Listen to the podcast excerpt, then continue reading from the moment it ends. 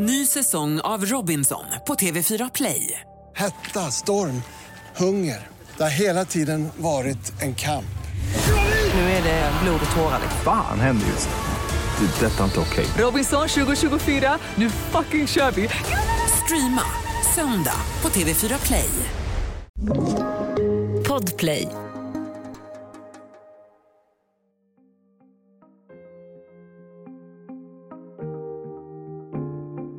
År 2003 invaderar USA Irak med hjälp av allierade länder. Målet är att utradera den vedervärdige diktatorn Saddam Hussein och hans regim. Journalisten Peter Kadhammar är på plats. I fem veckor åker han igenom Irak och berättar för Aftonbladets läsare om vad han ser. Och lyckas med något som ingen räknat med. Att ta sig in i palatset som Saddam Husseins son Oday just flytt från. Det ger Peter Kadhammar en unik inblick i skräckväldet. Det här är Jag var där. En dokumentär som du hör varje onsdag på Podplay av Andreas Utterström och Mattias Bergman.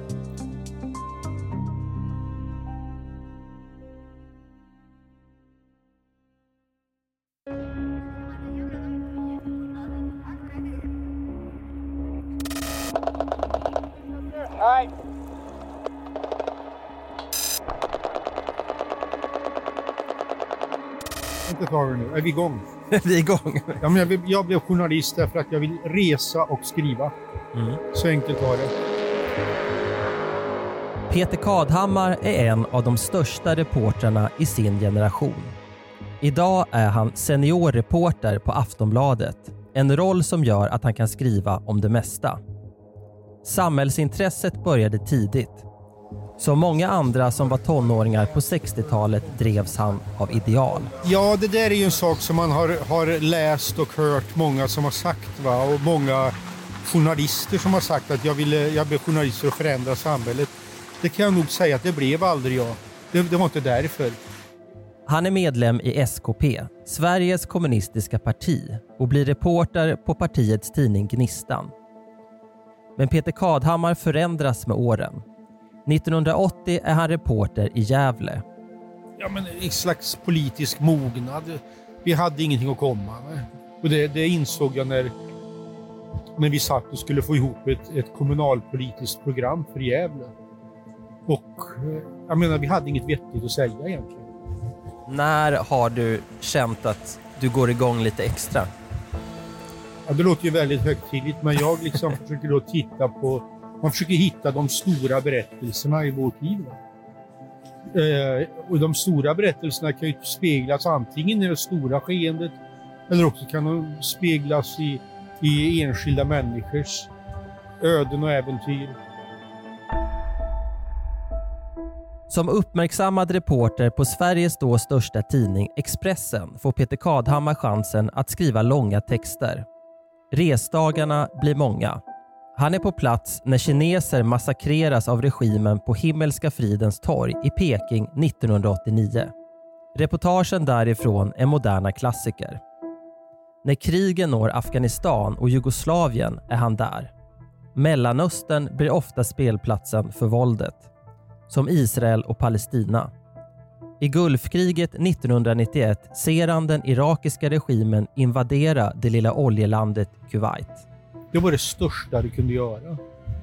När Irakkriget drog igång, då hade jag en- en slags image, tror jag, som krigsreporter. Jag kallades krigsreporter titt som tätt. Och det var också någon sån här titel eller benämning som jag aldrig gillade riktigt. Va? Jag är reporter. Och jag, och jag har aldrig liksom trivdes aldrig med att liksom vara i krig. Och det liksom blir som historien i turbofart plötsligt. Va? Allting öppnas, allting händer på några dagar eller veckor eller månader. Och plötsligt öppnas portar som aldrig varit öppna förut. Och det är otroliga dramer där det bästa och sämsta i- i människor kommer fram. Genom torra nyhetstelegram får vi siffrorna. 50 döda, 1000 döda. När korrespondenten är på plats blir människor istället i kött och blod, i text och bild.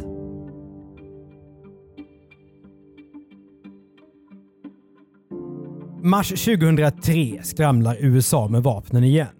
I kölvattnet efter terrorattackerna den 11 september 2001 har man beslutat att den hatade diktatorn Saddam Hussein måste bort från makten i Irak. Landet sägs ha tillgång till massförstörelsevapen. Peter Kadhammar är nu reporter på Aftonbladet. Att han ska resa till Mellanöstern är självklart. USA vill ha kontroll på vad journalisterna gör. I Gulfkriget fick reportrar röra sig lite för fritt för militärmaktens smak. Bilder av sårade är inte bra för opinionen. Så när Irak ska invaderas har amerikanerna en ny taktik. De ska låta krigsreportrarna, som Peter Kadhammar, vara inbäddade. Då placerar de dig helt enkelt bland trupperna. Och då placerade de en svensk journalist, nämligen mig, bland en bas ba, eh, bakom fronten. Men det var, det var inte så himla dåligt i alla fall för rent journalister, för den där basen fanns precis allting. Basen är gigantisk. Världens största krigsmakt har placerat alla vapenslag här. Här är Peter Kadhammar och fotografen Mattias Karlsson i två veckor. Amerikanerna är helt övertygade om att det här kriget vinner vi lätt som en plätt. Det kommer att gå på några dagar. Översten som var chef för basen sa kvällen innan kriget började. Det kan det bli det första kriget i historien som vinns bara med papper. Och då menade han de propagandaflygblad som de fällde över de irakiska trupperna och där de instruerade dem hur de skulle eh, kapitulera.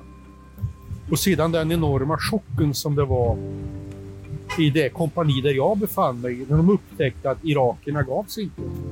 Att de fick mot, på motstånd direkt på andra sidan gränsen.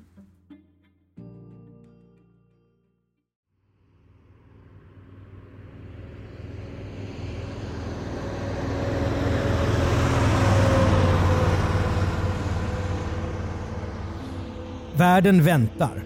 Att amerikanerna ska backa undan från att storma in i Irak framstår som otänkbart. I en hangar på basen står drönare. Förarlösa bombplan som ska bli symboler för den amerikanska krigföringen på 2000-talet och är helt nytt. Men där får Peter Kadhammar inte komma in. Men i övrigt kan han röra sig fritt på basen. Han skickar texter varje dag till redaktionen i Stockholm och pratar med kollegorna genom satellittelefon och fick liksom ingen feedback för att det var väldigt dåliga, eh, dåligt nät. Och det var en väldigt tur det för att tidningen då, nätet hemma var ju bombat av upprörda amerikanska läsare tydligen. Så tyckte att jag, jag var en orm vid deras bröst där nere på den här basen. och det var en väldig tur att jag inte fick det för att då hade jag ju påverkats väldigt starkt av det. Eh, som man ju blir av läsarreaktioner. Och jag hade säkert blivit lite försiktigare och lite oroligare. Undermedvetet. Officerarna bondar med honom. Samtidigt närmar sig invasionen som döpts till Operation Iraqi Freedom. Sen var amerikanerna på sitt amerikanska vis så checka då att liksom jag hade liksom gått omkring och skrivit i två veckor och då tyckte de att fan, liksom Peter, du måste ju hänga med in nu. Liksom invasionen har börjat och vi måste få ut ett stridande förband. Och, och började de jobba för det. Va? Och det var jag mindre pigg på. Va? Ska jag vara en del av, en, av ett förband då som bryter mot folkrätten, som amerikanerna gjorde, går in i ett självständigt land för att störta det landets regim, även om det är en avskyvärd regim. Invasionen inleds snabbt. Peter Kadhammar och fotografen Mattias Karlsson lämnar basen, fixar en egen bil och kör norrut, in i landet. Poddtips från Podplay. I podden Något Kaiko garanterar östgötarna Brutti och jag, Davva, dig en stor dos skratt. Där följer jag pladask för köttätandet igen. Man är lite som en jävla vampyr. Man har fått lite blodsmak och då måste man ha mer. Udda spaningar, fängslande anekdoter och en och annan arg rant. Jag måste ha mitt kaffe på morgonen för annars är jag ingen trevlig människa. Då är du ingen trevlig människa, punkt. Något kajko, hör du på podplay. Därför är gardinerna. Det är den 20 mars 2003. Dags för arbete i krig. Både landet Irak och livet som krigskorre är mytomspunnet. Men vissa saker stämmer. Som att man behöver vara street smart. Att man bär med sig rejält med kontanter som diskret kan lämnas till fixare och guider. Och hur viktigt det är med basala saker som att få sova. Hur löser man matfrågan? Är det konserver eller? Ja, massvis med konserver, choklad, nötter, Twix och vad heter det som är som... Som japp, fast med jordnötter också. Snickers? Snickers ja. Ja. Twix och Snickers hade vi. Och så en jävla massa vatten. Amerikanerna försöker splittra de irakiska styrkorna genom intensiva attacker med flyg och landtrupper. Vägspärrar sätts upp i hela Irak. Peter Kadhammar får ta sig runt om på krokiga vägar ute i öknen. Ja, men det var ju ett land då i kaos och upplösning. Eh, jag menar, det var fullt krig pågår. Människor har inget vatten. Svårt med mat. Ingen, ingen vet någonting. Så vi låg i öknen. Vi sov väl under bar himmel där i någon vecka. Eh, under, medan liksom striden om Basra pågick så körde vi omkring i trakten där och skrev och, och pratade med människor. Han beskriver skadade barn, bristen på rent vatten och brittiska soldater som är förvånade över att irakerna kastar sten mot dem istället för att välkomna dem som befriare. I ett mejl skriver Peter Kadhammar så här till sin chef. Tänk på Mad Max-filmerna så får du en rätt tydlig bild av hur det är. Att intervjua familj var ett äventyr som kunde ha slutat i upplopp med hundratals människor vrålande “Vatten, vatten”.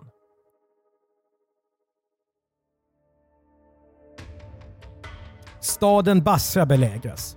Peter Kadhammar hänger på Sunday Times reporter. Ett bra beslut. Hon har nämligen en före detta elitsoldat som livvakt och förare. När Basra överges av Saddams försvarsstyrkor åker de in i staden.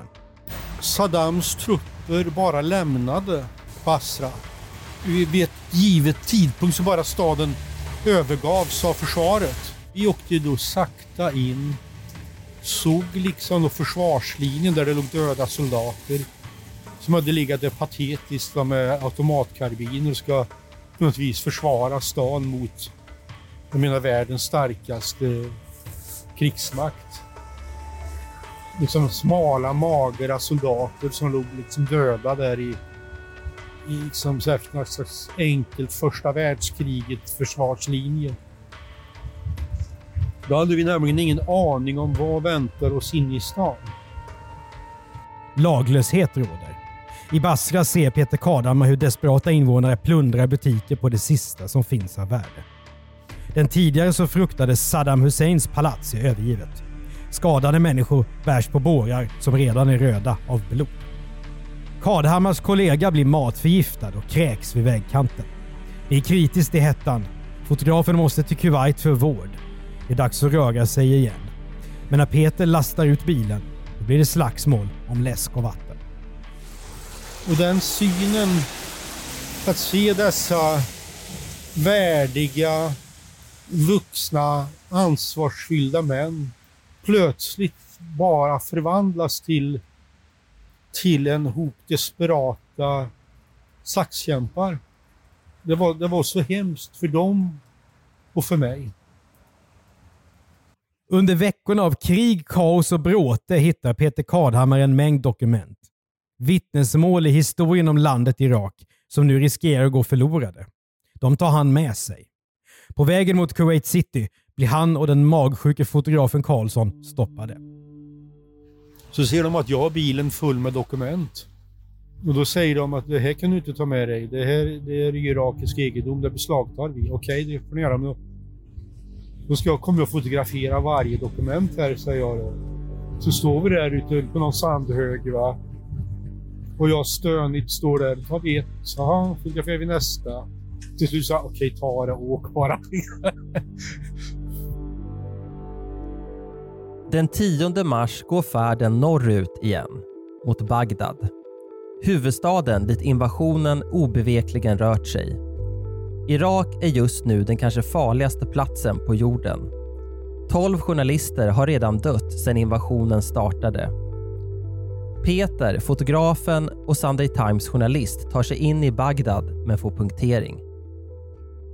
Så vi blir försenade och kommer till Bagdads utkanter när mörkret faller hastigt. Och du vet, stan, det pågår skottlossning i stan. Den är helt mörklagd, ingen, ingen elektricitet fungerar. Och då måste jag säga, då blev jag imponerad av James som då var gammal SS-soldat och som körde då framför oss. Han har aldrig varit i Bagdad förut. Han tar en karta över Bagdad, studerar den, sätter sig i bilen och sen nu drar vi liksom till Palestine Hotel. Och då körde vi genom hela stan, gasen i botten, mörkt, skotten smäller här och där. Han tvekar inte någon gång, stannar ingen gång, kör rakt på ända tills vi kommer fram till, Pa- till Palestine. Oj. Ja, precis. Dagen efter har de landat in på hotellet där världens journalister samlats. Från taket sänder de live till sina hemländer. För Peter Kadhammar är det dags att försöka ta sig ut på stan. Han vet det inte än, men det ska bli en produktiv dag. Dag ett skulle jag säga, då gick vi väl bara, går man väl bara ut på gatan och träffar folk. Det är försiktig, försiktighet som gäller. Och är man, är man inte vett att vara försiktig, då ska man inte vara på en sån plats. Och då försöker man ju åka till de platser, de platser som är stängda och som har varit, som är potentiellt intressantast. De kör till Säkerhetspolisens kvarter. Och jag vet inte riktigt säker på varför jag gjorde det. För att jag kanske var för att jag tänkte det kan ju finnas fångar kvar där. Men vi kom dit och det var då övergivet. Va? Men de hade ju lämnat då, ja, någon dag innan så att säga. Så det var ju fullt med folk som liksom bar ut grejer och akter ur deras arkiv. Och faran var ju inte över det för någon. Alltså när vi står där inne på, på Säkerhetspolisens gård så smäller det en granat på andra sidan en mur som var där, så byxbenen fladdrar på oss. Så det, det, det var ju liksom ingen ofarlig miljö. Det, det var folk som var före detta fångar som stod där, va, som visade mig. Oj, kom ska vi visa. Jag var, jag var, första, jag var första journalisten där. Så de visade ju runt. va. Och de visade mig arkiv. Jag sa visa mig arkivet.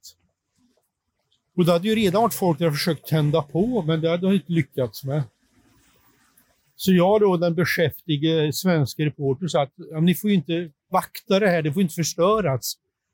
Eh, för det här är ju er historia, det finns ju mängder med öden här där ni får veta vad som har hänt folk. Och så sa jag till dem, hjälp mig att bära ut grejer härifrån. Så de hjälpte mig, så jag bar ut så mycket vi kunde ta till bilen och tog med mig det. För att det inte skulle förstöras. Ett poddtips från Podplay. I fallen jag aldrig glömmer djupdyker Hasse Aro i arbetet bakom några av Sveriges mest uppseendeväckande brottsutredningar. Går vi in med hemlig telefonavlyssning och, och då upplever vi att vi får en total förändring av hans beteende. Vad är det som händer nu? Vem är det som läcker? Och så säger han att jag är kriminell, jag har varit kriminell i hela mitt liv men att mörda ett barn, där går min gräns. Nya säsongen av Fallen jag aldrig glömmer på Podplay. Bagdad har varit befolkad sedan årtusenden. Nu har stan fallit. Amerikanska och brittiska trupper jagar Saddam Hussein, hans dignitärer och familj som flytt och i all hast övergivit sina enorma palats. Två av dem är diktatorns lika fruktade söner Oday och Kusai. Det är klart jag hade läst om den, den hemska familjen Saddam. Eh, diktatorn och hans två hemska söner.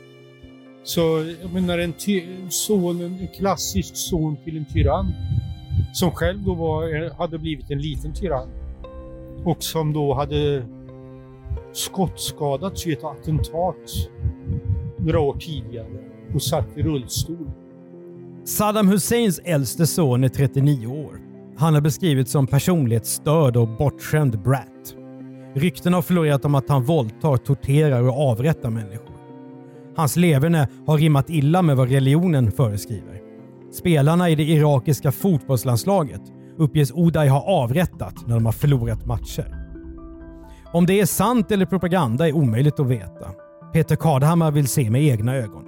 Han, fotografen och en irakisk guide som tolkar tar sig till området där Oday har bott. Att köra fram till så att säga den första delen i palatsområdet, alltså det här äh, otroligt stora komplexet som var någon slags kommandocentral för Saddam och kontorskomplex.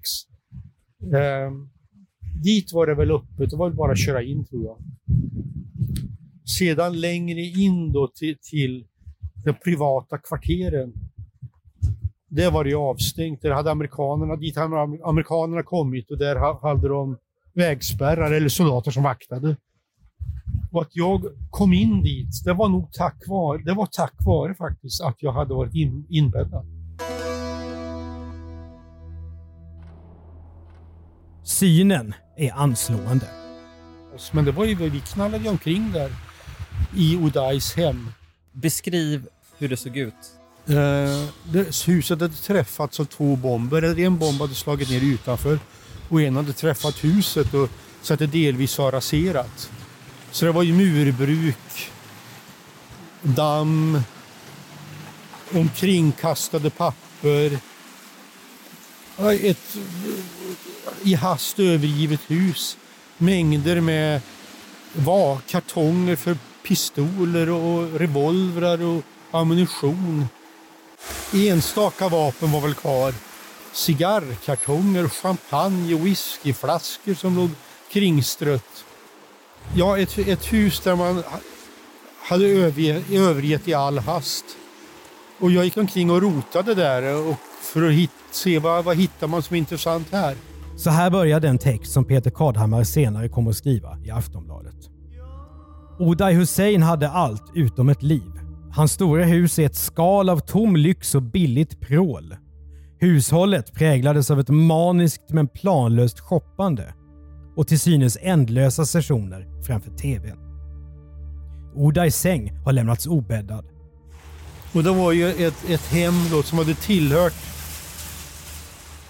en ensam en, en son till en diktator där sonen var ständigt omsvärmad av lakejer, livvakter, ja-sägare, fixare, prostituerade eller andra kvinnor som han lät kalla till sig.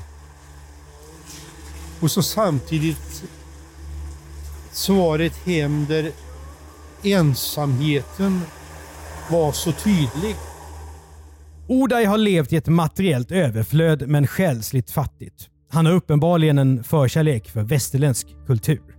Jag hittade ett, ett mail till honom där och någon i hans, troligen ja, någon som betjänade honom, talade om olika kvinnor, no, eller flickor som det stod. Någon som var läcker, någon som skulle komma till honom och som var oskuld. Och där mamman ville komma med. Och där, då där brevskrivaren skrev hon är en riktig partyflicka och gillar att ha kul och sådär. Och samtidigt då som den här uh, Uday uppenbarligen ägnade det mesta av sin tid att titta på amerikanska underhållningsfilmer. Det är Harry Potter, The Game, Lara Croft Tomb Raider och Men in Black. I Odays videohylla har tjänarna märkt upp vilka filmer som Oday redan har sett och vilka han har framför sig. Hushållet vittnar också om en stor personalstyrka som satts i ständig skräck. Så, att säga, loggboken för hushållet som betjäningen skrev. Och där det då skrevs om när Oday skulle ha Valium, nervtabletter. Tabletter 10 milligram och någon gång 5 milligram.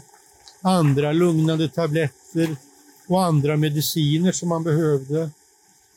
Och samtidigt för den minsta lilla detalj i hushållet måste bokföras och där ansvar, ansvar alltid skulle ut, utkrävas. En städare hade slarvat med städningen vid, jag tror det var videoapparaten. Och då skulle den städaren ställas till svars. Det var någon tjänarinna som skulle, de skulle de andra tjänarna skulle kasta sand i ansiktet på henne för hon hade gjort något fel.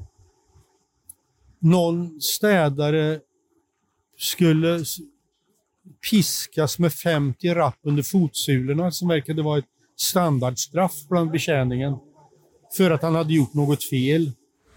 Och vad far genom ditt huvud när du går och rotar i den här bråten? Ja, det är väl liksom mer tragedin i det groteska förtrycket. Rädslan som personalen uppenbarligen ständigt levde i. Och samtidigt då rädslan som den här Uday ständigt levde i med, med vakter och som noterade mästaren eller höga herrn somnade på eftermiddagen någon gång. Då hade han kanske varit uppe hela natten och tittat på film. Va? Det är inte bara pillren som är många. Odai har också bilder av modellerna Kate Moss och Naomi Campbell. Han har betygsatt sina kockar och deras kycklingsoppa. Hemmet för tankarna både till filmen Scarface och Tusen och en natt, noterar Peter Kadhammar. Jag för anteckningar och tar de här tre loggböckerna och säger till den amerikanske soldaten att de här tar jag med mig. Och han, nej men det går nog inte bra. Så tittar han in, okej ta dem. Så de tog jag ju med mig, för jag kunde ju inte anteckna. Det var ju skrivet på arabiska. Och, och tänker du redan där på vad det här ska bli för text? Har du det i bakhuvudet? Eller blir det en, sen, en senare fråga? Nej, jag, nej, för tusan. Jag visste att det här är ett världsscoop. Mm. Att vi, vi, här är vi först och vi är ensamma om det här. I två, tre timmar kan de vara kvar i palatset som delvis bombats av amerikanerna. Tänk på att Peter och fotografen nu varit i Irak i flera veckor, ständigt på spänn. För när vi var klara där, då var vi så himla trötta. Vi tvingade oss till och vi gick därifrån. Och det fanns då något sånt lager där de har hittat förgyllda kalasjnikovs som Saddam väl hade gett och delat ut som present till folk. Och då när vi gick där så, så vet jag, vi pratade, vi, vi pratade om vi måste liksom orka bry oss om det där laget också så vi får en bild i alla fall. Man verkar fick tvingas att göra det, för dels är man utmattad av intryck. Dels så har vi liksom en världsstory, en vä eh, skop redan. Men vi måste sopa ihop det där också. Jo då, bilden finns med i reportaget. En amerikansk soldat visar upp den gyllene automatkarbinen. Tog du med dig någonting från Udais palats mer än de här dokumenten? Någonting som du, alltså som du tog för din egen skull som du ville spara från hans palats? Nej. Det är också, jag menar, jag är ingen, jag är ingen ädel människa, va? men också så här, man måste tänka sig för väldigt noga. Tycker jag när man rör sig i sådana här områden, hur man agerar så att säga. Va? Det, så man inte själv blir en plundrare. Dags att göra reportagetext av alla intryck. Tillbaka på Hotell Palestine. Kommer du ihåg om du själv pratar med redaktionen sen och vad de, hur de reagerar när de förstår vad det är ni sitter på? Nej, utan jag, jag skrev ju sen bara min artikel och skickade in. Mm. Men då ringer nattchefen upp honom på satellittelefonen. Jag har aldrig bett dig om det förut och kommer aldrig be om det igen, men kan du skriva längre? och det är någonting som sällan journalister får höra. Och vad, ju, och vad la du till då? Ja, men det var ju en jävla massa filmtitlar. Så jag skrev lite mer om alla dessa filmtitlar och la till dem i texten. Artikeln når Sverige och publiceras på aftonbladet.se och trycks i papperstidningen. Men av tusentals tecken text med häpnadsväckande detaljer kommer några få rader att orsaka en lätt absurd storm. Jag tror jag fick 300 skällmejl från läsare som var ursinniga för det hade något fel med någon filmtitel eller vad det nu var. Ja, orsaken är en liten papperslapp med texten 40 nätter, 40 dagar, 100 flickor, födelsedagsgåvor, summan av all fruktan. Det här har Peter Kadhammar med i sin text. Men han har missat att det är titlar på amerikanska filmer. Han har presterat ett unikt reportage. Men en småsak väcker läsarnas vrede. Du är utmattad och har ju liksom dragit fram ett världsskop här och folk hakar upp ja, sig men jag, jag har inte tid att tjafsa med sånt där. Jag, jag tror inte jag har läst. Jag noterade. Jag blir utskälld här. Jag har inte tid med det här. Det, så kan man inte jobba. Va? Då blir man ju knäpp. Jag kan inte haka upp mig på sånt. Men det är sånt där, man måste vara stoisk som reporter.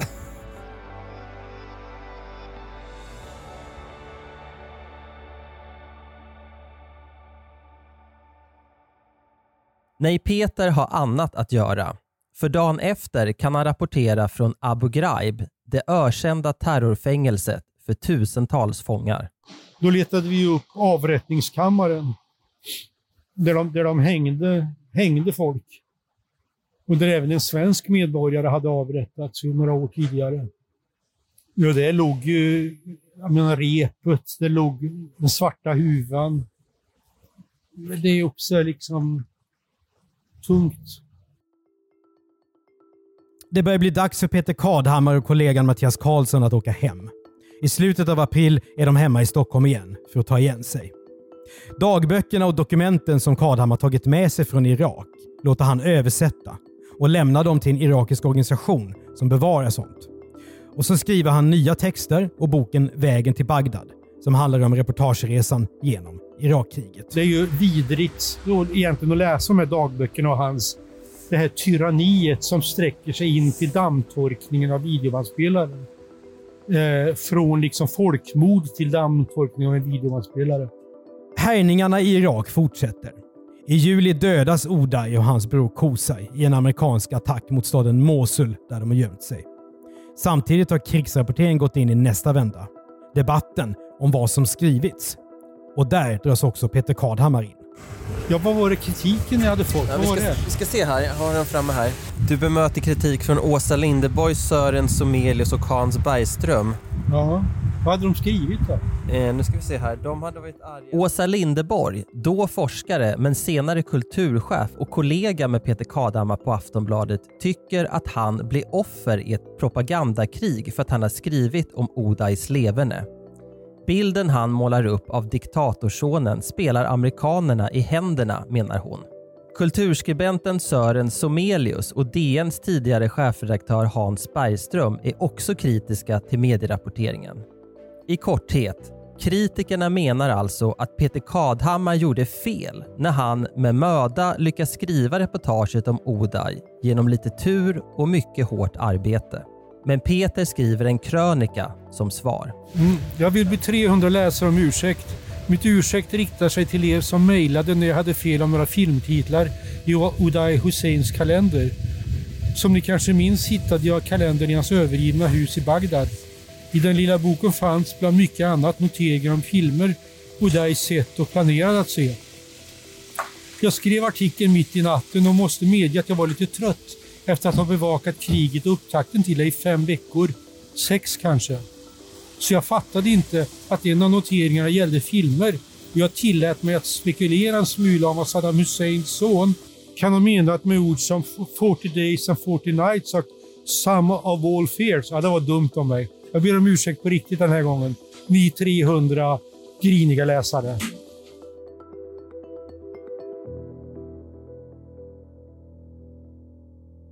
Ett försvar formulerat som ursäkt. Men Kadhammar är ironisk. Han var på plats. Det var inte vare sig Lindeborg, Somelius eller Bergström. Peter Kadhammar åker tillbaka till det sargade Irak en gång till när Saddam Hussein har gripits i sin födelsestad Tikrit. Kadhammar får se den grusgrop i marken som var gömställe för en diktator som var van att omge sig med ofattbar lyx. Det är 18 år sedan nu, men den spöklika känslan i alla detaljer om Oday Hussein har stannat kvar hos Peter Kadhammar. Jag tycker att det, jag har varit med om det tidigare när när så att säga murarna har fallit på olika sätt. Hur förvånad man blir över hur viktigt det kan vara. Va? Och att människorna bakom den där muren som man fantiserade om visade sig vara människor på olika sätt och vis. Det, det, det blir så absurt. Det är så fascinerande att, att bevaka den typen av händelser. Kadhammar arbetar vidare på Aftonbladet. 2020 kom han ut med boken Cykeltjuven, samlade reportage om dagens Sverige. Han reser fortfarande i jobbet, men inte längre lika intensivt. Krigsresorna sätter sina spår. Även om Peter Kadhammar är tydlig med att det inte är honom det är synd om, utan alla de som drabbats. Nu bevakar jag inte krig längre, sa du. Nej. Vad är orsaken till det? Det beror på att jag genomgick en hjärtoperation, en bypassoperation. Och då, så, då sa ju läkaren att efter det här så kanske, kanske du måste tänka över ditt liv. Då, så gör man ju efter en sån operation. Men då tänker jag, okej, okay, men krig då? Ja, men det kan ju... Det, jag menar, det är ingen, det är ingen uppoffring för mig. Alltså, jag får sluta med det då. Så jag har ju aldrig varit någon liksom njutit av krigen i sig. Va? Och det är ju en otroligt stressande, stressande situation.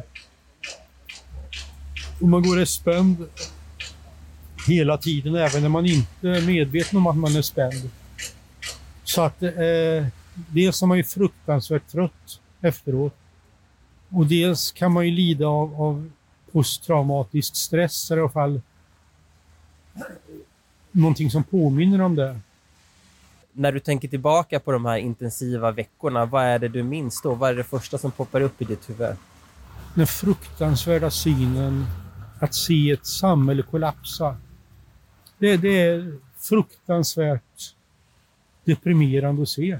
Folk springer ut och plundrar allt som går att plundra.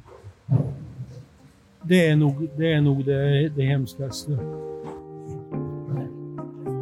Du har hört ett avsnitt av Jag var där, en dokumentär från Podplay av Mattias Bergman och Andreas Utterström. Exekutiv producent Jonas Lindskog. I nästa avsnitt får du höra om sjuksköterskan som hamnade i frontlinjen när covid-19 tog sig in i Sverige. Redan på onsdag kan du höra avsnittet i Podplay före alla andra. För Podplay gör vi även poddarna Misslyckade brott och Misslyckade affärer. Och så driver vi innehållsbyrån Commercial Content och gör då podden Världens bästa innehåll. Tipsa oss gärna om händelser du tycker att vi ska berätta om i podden till jagvardar@bplus.se.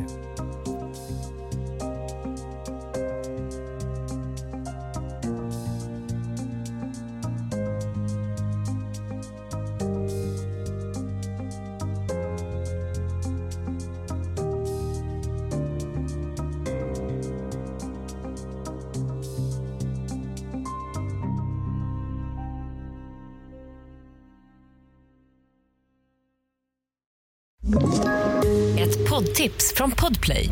I fallen jag aldrig glömmer djupdyker Hasse Aro i arbetet bakom några av Sveriges mest uppseendeväckande brottsutredningar.